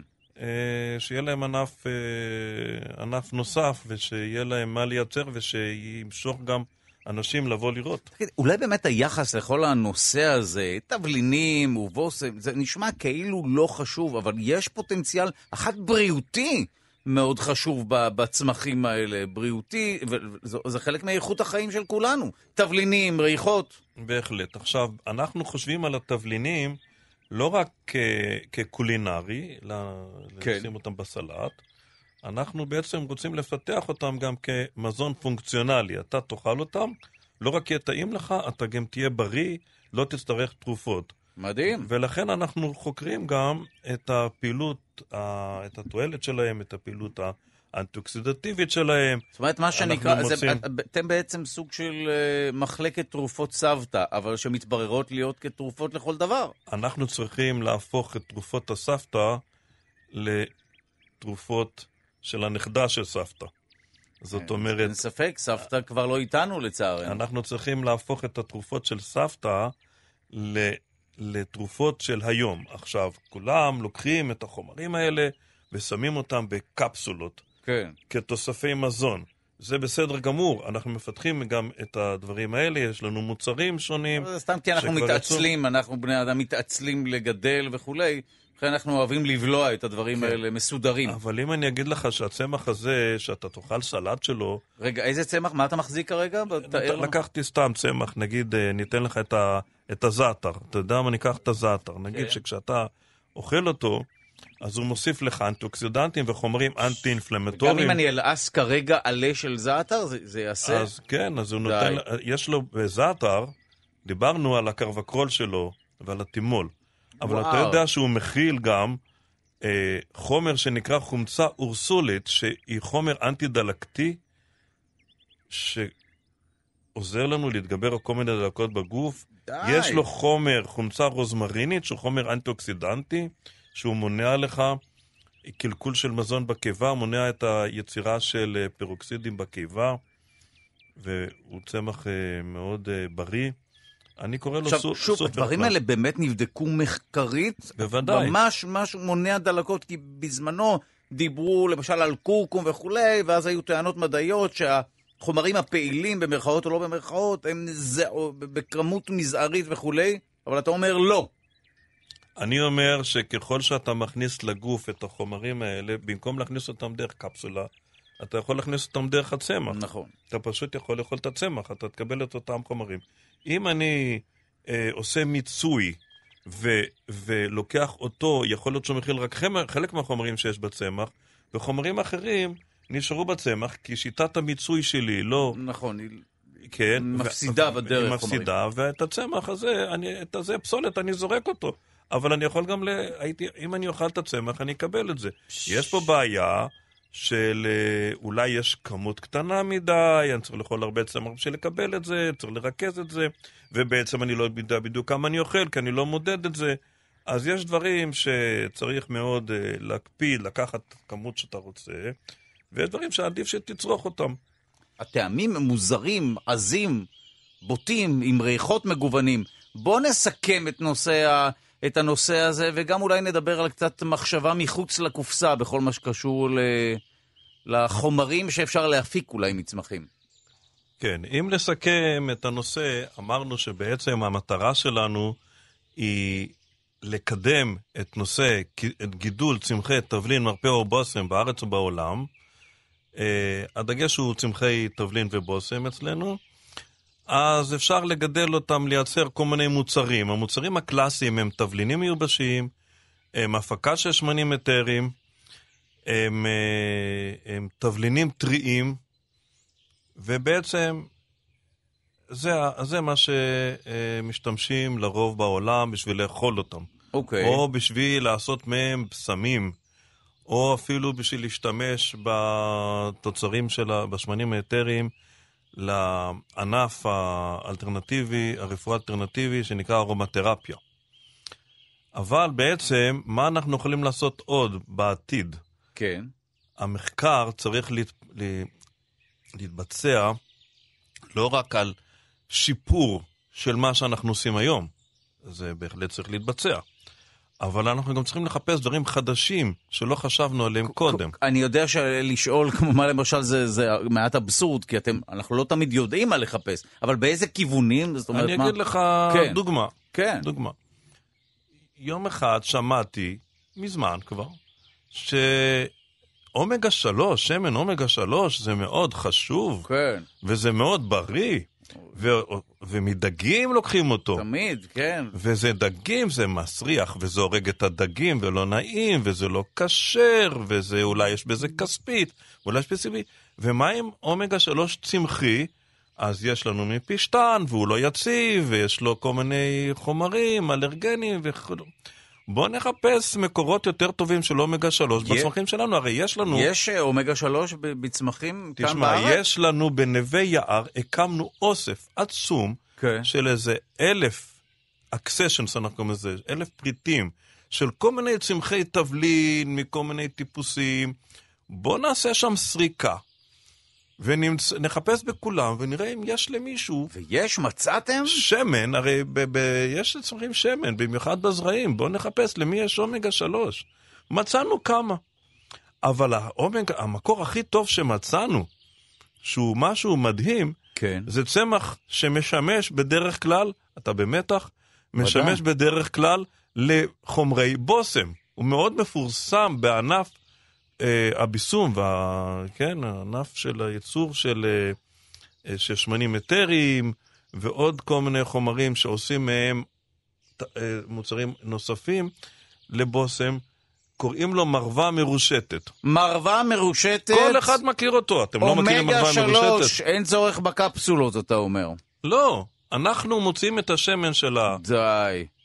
שלה מהזרעים, אף אחד לא חיפש בזרעים. כל מה שחיפשו, השמן האתרי והחומרים הנוספים שהפיקו משם לתעשיית הבשמים, נמצאים בעלי הגביע. הם נמצאים בתפרחת כשהיא עוד לא בשלה. וואו. בוא נחכה קצת שהצמח יעשה זרעים, אף אחד לא עשה את זה, ועכשיו מהזרעים נפיק שמן, והשמן הזה מכיל כמות אדירה של אומגה 3, ויותר מזה, למה בחרנו אותו מכולם?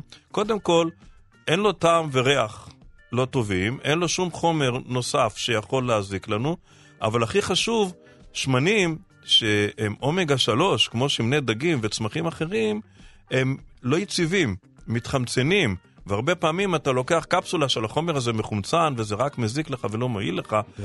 מרווה מרושטת, השמן שלה כמעט לא מסוגל להתקלקל. מדהים. פשוט קשה לו, יש לה בפנים חומרים נוספים אם אנטי-אוקסידנטים כן, שהם לא מרש... שווים. מ- מרווה מרושטת, זה הפתרון לאומגה 3. תודה רבה מעומק הלב לי, פרופסור נתיב דודאי, ראש היחידה לצמחי תבלין, מרפא ובושם מהמרכז, אה, ממרכז המחקר נווה יער במכון אה, וולקני.